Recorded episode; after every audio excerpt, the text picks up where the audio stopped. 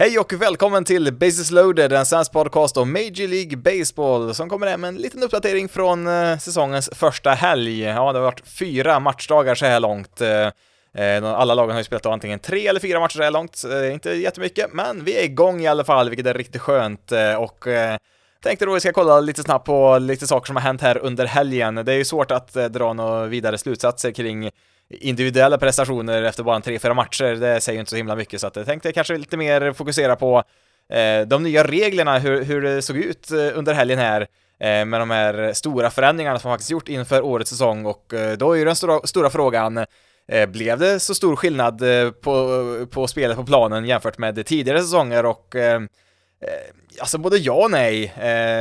alltså det, det, är ju fortfarande baseball de spelar, det är fortfarande 27 outs man ska få, men Eh, Eh, kollar man på en del siffror här eh, som har kommit fram här under helgen så är det ju en ganska radikal skillnad på vissa, på vissa ställen. Eh, och ja, man kan väl säga så här att om den här trenden fortsätter som de har gjort de här första tre, fyra matcherna för varje lag så ja, då kan man ju säga att MLB verkligen har lyckats med att få spelet dit de vill ha det.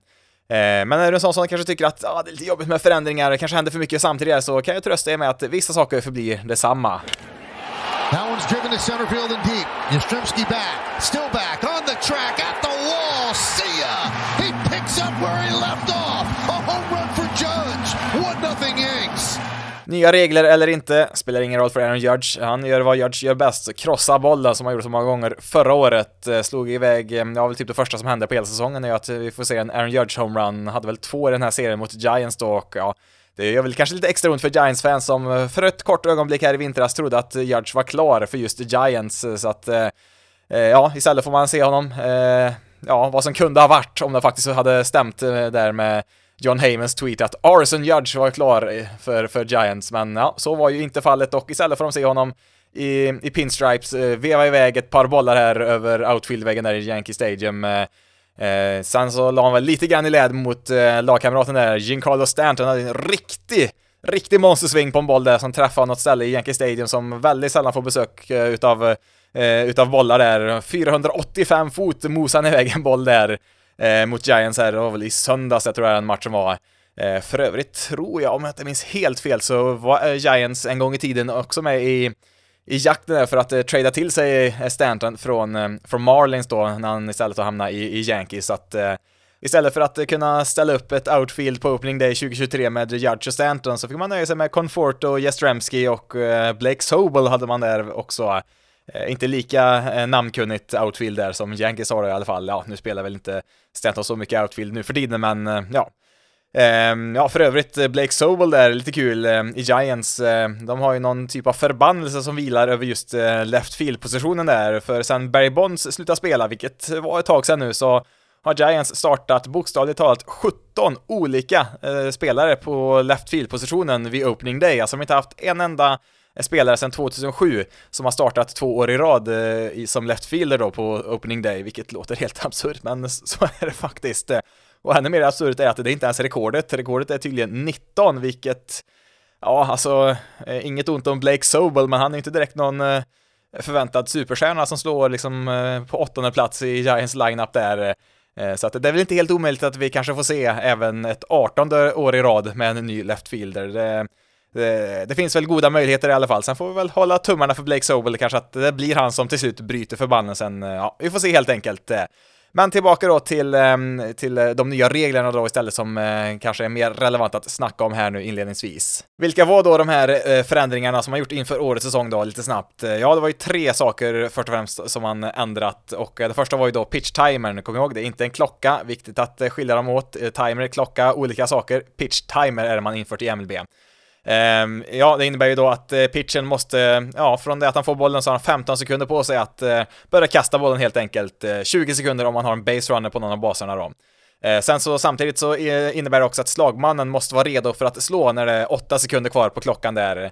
Bryter pitchen mot, mot timern, ja, då, då blir det en automatisk boll och bryter slagmannen mot den här regeln då så blir det en automatisk strike. Eh, kopplat till det här också är att eh, pitchen då får bara göra eh, högst två eh, pick-off attempts eh, per, per ett bat då. Eh, för att man inte ska kunna obegränsat kasta dit då för att eh, ja, dra ut på tiden. Eh, man får ju kasta en tredje gång också, men missar man att bränna ut en base runner på det tredje försöket, då blir det en automatisk bulk. Sen så var det då att man hade begränsat vart man får stå på planen, alltså shift restrictions, alltså att man måste ha Eh, två infielders eh, på vardera sida om andra bas, alltså tredje basmannen och eh, måste vara på vänstersidan då utav andra bas sett från slagmannens sida och eh, första och andra basman då på högersidan. Eh, så att man inte skulle kunna ställa till exempel eh, shortstoppen eller en tredje basman då mellan första och andra baser som man ofta gör mot framförallt vänsterhänta slagmän. Så att lite fler bollar ska trilla igenom då helt enkelt. Eh, Eh, sen så var det ju även då att man har eh, ökat storleken på baserna från 15 tum till 18, eh, gjort någon decimeter kortare mellan baserna så att man ska eh, få till lite mer stolen bases helt enkelt. Eh, har ju minskat eh, ganska drastiskt med åren antalet stolen bases så att eh, lite större baser, lite kortare avstånd, ja men då kanske det blir några fler i alla fall, hade man väl tänkt sig och ja, det låter ju inte så mycket men ja, vi kan väl kolla på siffrorna, vad de säger här efter de första matcherna. Och då finns det en väldigt bra tweet här av Jeff Passen som han retweetar ut också, som man kan kika på själv. Och då jämförde han eh, de första fyra dagarna 2022 och de fyra första dagarna 2023. Och eh, ja, i princip lika mycket matcher har spelats. Eh, det var 49 matcher förra året mot 50 i år. Och ja, den största skillnaden som man kanske märker av, det är ju hur snabbt matcherna spelas och ja, det är ju en enorm skillnad. Och visst, det är bara fyra dagar och de här siffrorna kommer säkert att eh, ändras lite grann ju längre säsongen går, men eh, vi ser ju ganska tydliga spår av vart det är på väg. Eh, kollar vi då på hur lång en genomsnittlig match i MLB var eh, 2022 då, under de första fyra dagarna, så var det tre timmar och nio minuter. Eh, I år då så är samma antal matcher i snitt två timmar och 38 minuter. Alltså de har tagit bort mer än en halvtimme i snitt per match. Det är enormt. Jag tror i spring training var den siffran 26 minuter. Eh, så att den verkliga siffran kanske kryper närmare 26 än 31 i slutändan, men det är ju väldigt stor skillnad faktiskt. Eh, och eh, som jag nämnt förut, det är ju inte nödvändigtvis tiden i sig som var det absolut viktigaste. Visst, man vill väl kanske få ner tiden under tre timmar i alla fall. Det var väl kanske någonting man var ute efter, men det var ju det att man ville få bort all dödtid mellan varje pitch eh, som, eh, ja, ingen egentligen saknar, tror jag i alla fall. Eh, så där ser vi en enorm skillnad faktiskt. Eh, eh, kan vi då se någon skillnad i Ja, när det gäller shift restrictions, alltså att man inte får stå riktigt hur man vill, ehm, ja, det är ganska tydlig skillnad i, i offensiv. Eh, alltså eh, betting average eh, förra året, eh, de första fyra dagarna, var 2.30. I år så är, eh, är samma siffra 2.45. Alltså mer bollar trillar igenom helt enkelt och eh, eh det är väl framförallt då singles som har, som har ökat jämfört med förra året, så att ja, någon effekt har ju det absolut fått där. Även om base percentage är upp och slaggen är upp lite grann i alla fall, så att uh, överlag så är offensiven uh, betydligt, uh, eller ja, det är inte någon enorm skillnad, men en ändå noterbar skillnad i alla fall mot hur det såg ut förra året. här får vi väl kanske vara lite extra noga med att kolla lite längre fram hur det ser ut, för just de här siffrorna kan nog ändra sig en hel del, ska jag tro, när det gäller just offensiv statistik och pitcher-statistik. Eh, kollar vi då på um, stolen bases då, alltså man tycker ju inte att det, det ska vara så himla stor skillnad att liksom öka storleken med 7-8 cm på baserna, kanske göra en decimeter kortare att springa eh, mellan första, andra och andra och tredje bas, men eh, Ja, vi kan säga så här då, eh, 2022, så på de fyra första dagarna så eh, försökte sig 43 spelare på att ta en bas, 29 lyckades.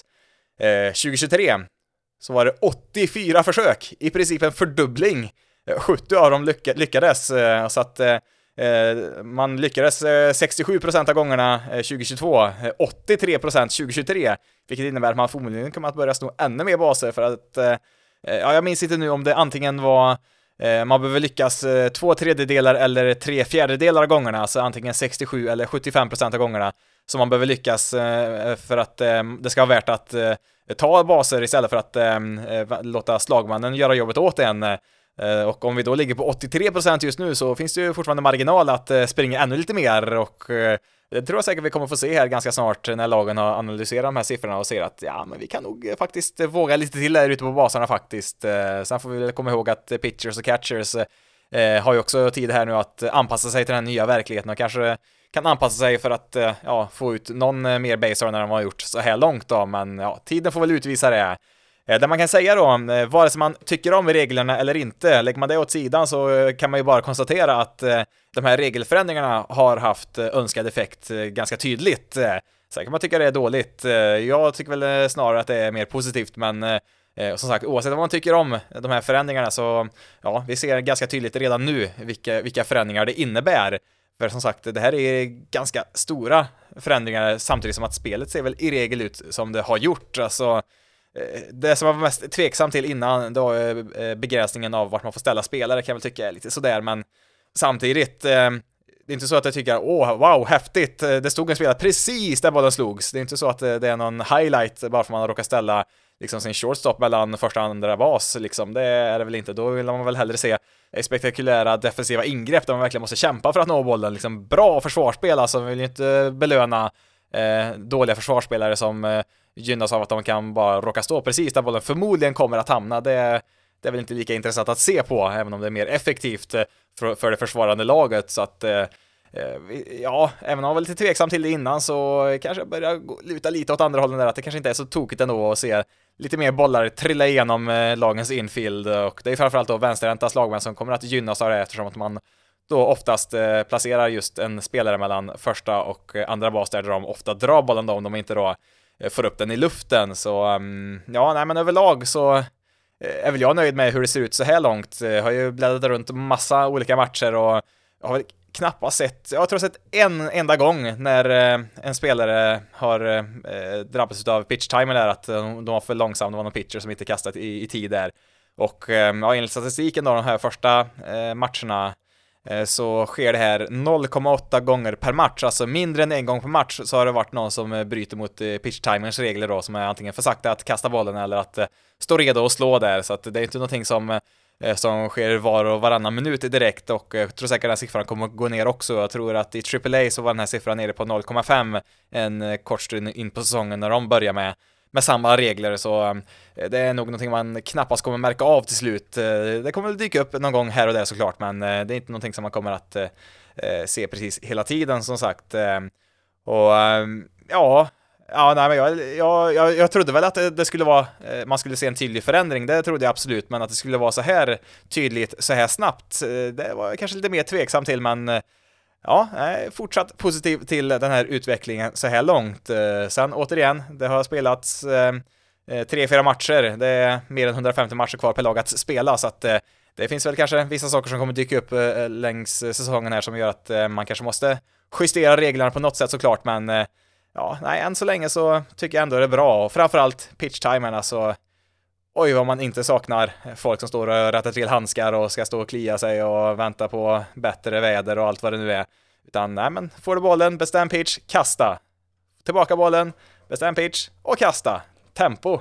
Det, ja, nej men det, det gillar jag faktiskt, eh, måste jag säga, så här långt. Vad har vi mer då från eh, säsongens första dagar? Ja, vi kan väl kolla in eh, National League West, där jag vet jag tippade Padres som divisionsvinnare jag har ju nämnt att Dodgers ser ju lite sårbara ut för första gången på ganska länge och har inte riktigt eh, en så bra roster som man som haft tidigare och eh, var ju ganska tysta under vintern här och ja, ja, tror man att ja men Padres kan nog, ja, det är nog deras år nu i år, de ska ta över tronen här nu i National League West här från, som har dominerats så länge av Dodgers här och jag har till och med sett sådana här bold predictions från en del som har sagt att ja men, ja men kan Dodgers missa slutspelet?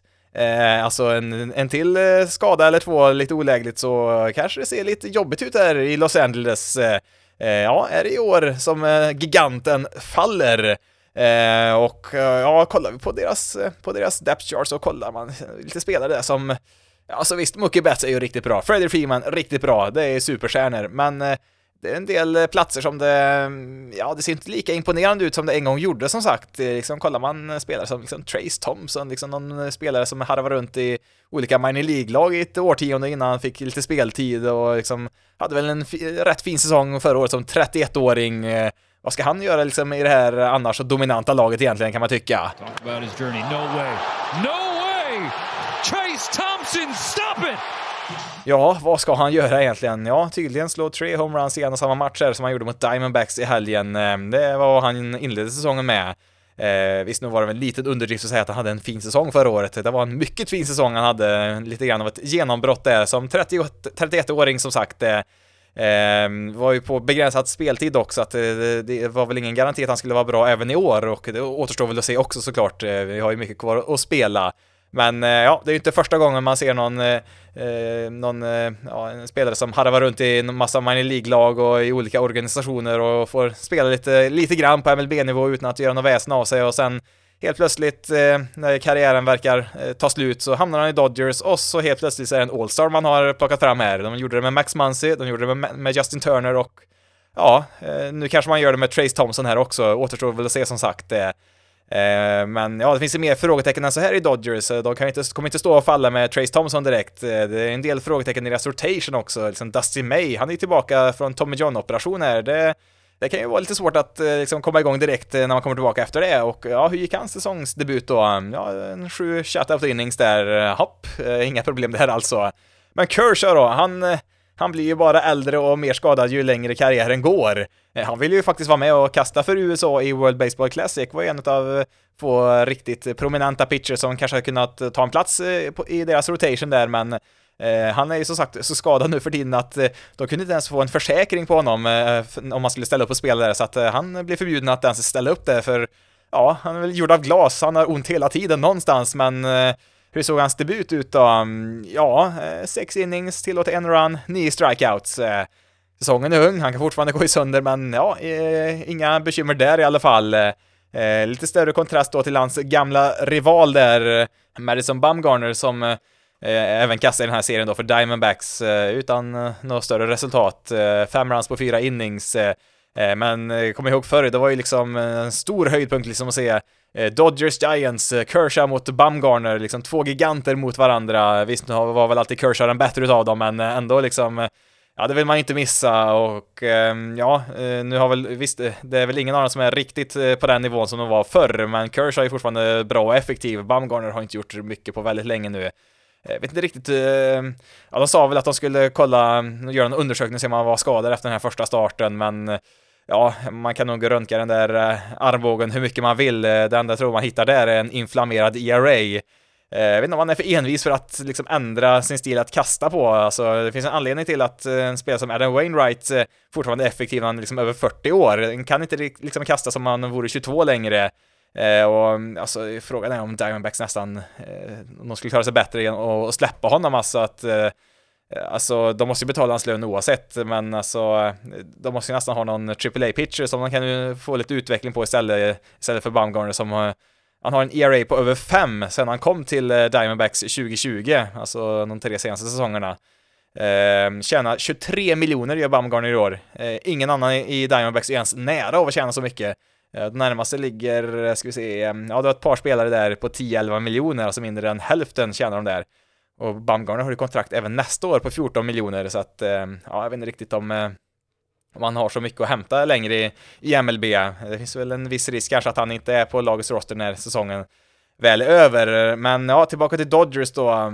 Ja, Syndergaard eh, värvar de in också. Han, ja, det är på tal om pitcher som inte var, är vad de en gång var. Men ja, han går ju såklart också in och har en stabil första, eh, första match med Dodgers, så att eh, de går ju nästan från klarhet till klarhet. Ja, eh, nu delar man de här eh, fyra matcher serien med, med, med Diamondbacks och gick 2-2 här, så att det, det var inte så att allt gick som på räls här, men ehm, ja, det, så här går det väl när man tvekar på Dodgers. Det, det, är väldigt farligt att göra det. Förr eller senare så har man väl rätt när man snackar ner det här laget, men ehm, ja, vi är kanske inte riktigt där ännu. Samtidigt som Padres då får stryket av Rockies på hemmaplan i sin första, första serie, så ja, eh, som sagt, det är väldigt många matcher kvar, men eh, ja, eh, man ska nog inte räkna ut Dodgers. Det, det, det är väldigt farligt att göra det. Vi kan väl fortsätta på pitchingspåret och vända oss bort mot Texas, där man i Arlington satt spänt och väntade på en debut från en viss Jacob DeGrom som numera tillhör Texas Rangers och ja, det börjar ju bra i alla fall i hans första start för sitt nya lag. Brought in an 11 year deal by Philadelphia, the 0-2, got him swinging! Welcome to Texas, Jacob DeGrom.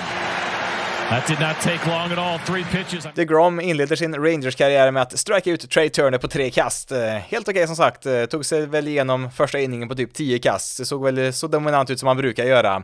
Sen gick det lite sämre kan vi säga. Tog sig inte ens ut den fjärde inningen. Sex hits, fem runs tillät han. Eh, sju strikeouts visserligen, men var väl knappast en drömstart på Rangers-karriären där. Sen visst, han var väl lite småskadad, som han ofta är tyvärr, i spring training, så han är väl kanske inte riktigt 100% än så länge, men ja, värt att notera.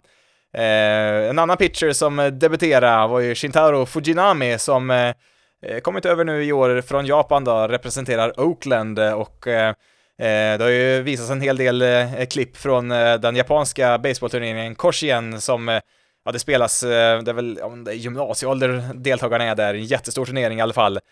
Um, som eh, de största spelarna nästan allihopa spelat i någon gång där i Japan och um, um, då var det någon gång där för ja, över tio år sedan som Fujinami mötte en viss Shohei Otani i den där turneringen och ehm, Ja, just i det mötet så slutade det med en Otani homerun och eh, nu då när det blir dags för MLB-debut så är det just Angels som var motståndet där och eh, de första tre slagmännen upp där var ju Ward, Trout, Otani. Inte en helt lätt eh, trio att ta sig igenom, men eh, det gick, eh, ja, över förväntan får man ändå säga. Strikeout, strikeout, ground ball. Togs ur eh, första inningen riktigt snyggt där och även andra inningen så såg det väl bra ut där. Flyball, strikeout, strikeout, så att två innings, inga som helst bekymmer. Eh, tredje inningen, ja, lite mer bekymmer kan vi säga. Där fick vi en walk, single, double, single, walk, single, sack fly, eh, walk, single och till slut så byttes han ut mot Adam Aller som fortsatte med wild pitch, walk, eh, single, sack fly, home run, ground out. Eh, 11 runs blev den där inningen till slut, eh, varav 8 då registrerades på Fujinami, så att eh, det var väl inte en jätterolig debut eh, för honom där, kan vi inte direkt påstå. Eh, lite bättre gick det för landsmannen eh, Kodai Senga i Mets eh, som eh, eh, jag fick väl en out i sjätte inningen där innan de plockade ut honom. En run eh, tillät han, åtta strikeouts. Eh, lite mer positiv eh, eh, debut eh, från hans sida då i alla fall och eh, eh, ja, när vi ändå är inne på lite mer positiva pitching-nyheter så kan vi även nämna att eh, fick väldigt goda nyheter kring eh, Liam Hendricks, eh, White Sox closer som i vinter drabbades av cancer och det fanns väl en viss risk att han skulle missa hela säsongen, men nu pratar man på att han kanske redan är tillbaka i juni, vilket skulle vara fantastiskt. Eh, man valde att inte sätta honom på deras 60 dagars injured list eh, för att eh, ja, det fanns väl antagligen någon indikation på att han skulle kunna vara tillbaka relativt snabbt ändå och ja, det vore ju väldigt kul för både Hendrix och White Sox om han faktiskt kunde vara tillbaka i spel redan ja, innan All-Star-uppehållet. Eh, vore som sagt fantastiskt med tanke på att eh, det fanns risk att han kanske inte ens skulle komma tillbaka ens den här säsongen. Så att eller ja, det är klart, eh, baseball är väl ganska sekundärt när man får en cancerdiagnos såklart. Eh, det finns ju klart mycket värre utgångar att man inte kan spela baseball 2023, men eh, Eh, som det ser ut just nu då, så mm, ja, vi håller tummarna för att han är tillbaka ganska snart då, Liam Hendricks eh, där i White Sox. Eh, då har jag inte så jättemycket mer att ta upp i veckans avsnitt här. Det blir väl kanske lite mer kött på benen till nästa veckas avsnitt när vi har ytterligare en vecka med matcher i bagaget. Kan väl bara nämna några små saker jag har skrivit upp här bland notiser, bland annat Gary Sanchez som jag trodde skulle få ett kontrakt någonstans i alla fall här i vinter. Han fick ju då vänta då till i princip opening day innan han fick ett minor League-kontrakt med Giants. Jag trodde som, som sagt att han verkligen skulle få ett MLB-kontrakt någonstans, i alla fall som backup. Eh, visst, han är ju en eh, främst en offensiv catcher som hade en VRC plus på 89, vilket är i princip eh, eh, ja, genomsnittligt för en catcher, vilket kanske inte är så bra om man är en, just en offensiv catcher. Han har väl en del brister defensivt istället, så att eh, ja, vi får väl se om man kan eh, ta en plats här i Giants först och främst. Annars om man inte fixar det så, eh, ja, då är frågan hur mycket längre blir Gary Sanchez MLB-karriär? Sen hade vi även en kontraktsförlängning till Jake Cronenworth i Padres, eh, 7 år 80 miljoner. Eh, ja, det verkar inte finnas någon begränsning på hur mycket pengar man kan spendera där i San Diego, så att ja, det är väl lika bra att ge han ett kontrakt också såklart. Eh, får vi se om det finns pengar kvar till, ja, först då Josh Hader är väl eh, free agent efter det här året. Eh, Juan Soto har väl ett år kvar till innan han är free agent. Eh, får vi se som sagt om den här pengapåsen är oändlig eller inte. Men eh, Cronenworth då som, eh, ja, en bra stabil produktion, offensivt i alla fall, spelar ju främst första, andra bas. Nu lär det väl bli mest första bas tänker jag. Eh, värvar vi in Bogarts där på shortstop så har man väl Hassan Kim där på, på andra bas, så att det, det blir nog mycket första bas för, bas för, um, för Cronenworth, skulle jag gissa, framöver här. Um, ja, in, intressant uh, spelare på många sätt som verkligen var uh, en spelare ingen visste vem han var när han tradades från Rays till Padres. Uh, undrar på om inte det var traden, Blake Snell-traden han var med i där, så att han var väl inte det största namnet eh, just där och då, men har ju lite oväntat som sagt eh, växt fram som en, eh, ja men ändå en viktig spelare för Padres, får man ändå säga. Så visst, han är ju inte på eh, Soto, Machado, Bogars och eh, Tatis nivå. Det är han väl kanske inte, men eh, ändå en viktig kugge här i laget som eh, ja, stannar i alla fall sju år till. Eh, ja, förut att han inte blir tradad då. Jag tror det fanns någon begränsad no trade-klausul där. Han kan väl blocka trade till åtta lag tror jag där, men han lär väl eh, likt många andra spelare i det här laget, det blir kvar eh, ganska länge i just San Diego. Då ska vi runda av veckans avsnitt här, men innan vi gör det helt och hållet så vill jag bara påminna om att eh, likt förra året så har vi fortfarande en Discord-chatt som är tillgänglig att, eh, ja, egentligen användas eh, dygnet runt eh, hela veckan, men eh, Förra året, eh, som ni kanske kommer ihåg, så hade vi ju en veckans match brukar vi ha, där man var välkommen in och sitta och snacka lite kring eh, någon match som sändes på hygglig sändningstid mitt i veckan sådär. Eh. Och jag tänker väl försöka fortsätta göra det även i år. Länken till Discord kommer finnas i beskrivningen till det här avsnittet och för den som inte vet så är Discord ja, helt enkelt ett chattverktyg där man kan antingen chatta via text eller via mikrofon om man så vill. Eh, där snackar man helt enkelt om ja, matchen som spelas. Ja, ibland var det fler matcher igång samtidigt, så det var ju flera matcher man snackade om där och ja, MLB i största allmänhet och ja, även en hel del annat eh, kom man in på också såklart där. Så att eh, eh, har man lust att eh, kliva in där och hänga med under någon kväll här under säsongen så är man varmt välkommen att göra det. Både text och röstchatt funkar bra där. Och eh, nu kommer vi ta någon specifik match den här veckan. Eh, för att det är nämligen så här att på onsdag den 5 april så har vi inte mindre än, ska vi se, 1, 2, 3, 4, 5, 6, 7, 8, 9, 10 matcher med starttid mellan halv sju till eh, åtta på kvällen då, svensk tid. Eh, ja, det drar igång då halv sju som sagt med Cubs Reds. Eh, ja, kanske inte världens bästa eh, batalj där, men kan man hålla sig en halvtimme så har vi bland annat eh, Phillies Yankees, eh, vi har även eh, Brace mot Cardinals, eh, eh, Mets Brewers det kan vara lite intressant också, så att det finns en del eh, intressanta matcher även för neutrala åskådare, de inte ens favoritlag spelar just då. Eh, så att eh, har man eh, möjlighet eh, och lust att dyka upp där i Discord, länkarna som sagt finns i beskrivningen på poddavsnittet, så är man varmt välkommen där eh, på onsdag då. Från halv sju då börjar ju första matchen där i alla fall. Och, ja, det vore jättekul om ni kikar in där en, en liten stund i alla fall och säger hej och kanske snackar lite om sitt favoritlag och lite grann om matcherna som spelas där. Så att eh, eh ta gärna chansen här under, eh, under säsongens gång att eh, dyka in där någon gång. Eh, kanske när ditt favoritlag spelar eller vid något annat tillfälle när du har möjlighet. Men eh, ja, vi kör först och främst då på onsdag här då, 5 april. får se, vi kanske kommer att göra det även på söndagar, mycket tidiga matcher också, men eh, det, det, blir lite längre fram i så fall. Men först och främst då onsdag då, som sagt, Eh, Eh, tyvärr så är det ju inte så himla lätt eh, kanske att eh, hitta någon att snacka baseball med här i Sverige. Det är ju inte så att det är det första samtalsämnet som dyker upp där i personalrummet på arbetsplatsen kanske. Så att vill du snacka lite baseball, lite MLB, ja men kom förbi och säg hej. Alltså, behöver inga vidare förkunskaper för att vara, vara med där och snacka, utan det är bara kom dit och häng med lite under kvällen, lite skönt tugg där. Det, det är inte något allvarligare än så där helt enkelt, så att eh, ja, kom gärna in där och säg hej. Det är kul att träffa på lite nytt folk också. Träffa på en hel del intressanta karaktärer där eh, under förra året och hoppas att det dyker upp några fler också här. Så att eh, ja, har ni möjlighet som sagt då börjar vi på onsdag här då från halv sju. Du kan följa Basis Loaded på Twitter, Facebook och Instagram. Då letar du upp Basis Loaded SE, alltså sammansatt ord där, Basis Loaded och bokstäverna SE på slutet. Du kan även mejla till basisloadedse gmail.com. Du får även jättegärna sätta betyg och skriva omdömen om den här eh, podden i din podcastapp så hjälper du andra att hitta podden. Men nu har jag pratat tillräckligt för idag. Mitt namn är Jonathan Fabri. Tack så jättemycket för att du har valt att lyssna på detta avsnitt av Basis loaded. Ni får ha så bra där ute, så hörs vi i nästa veckas avsnitt.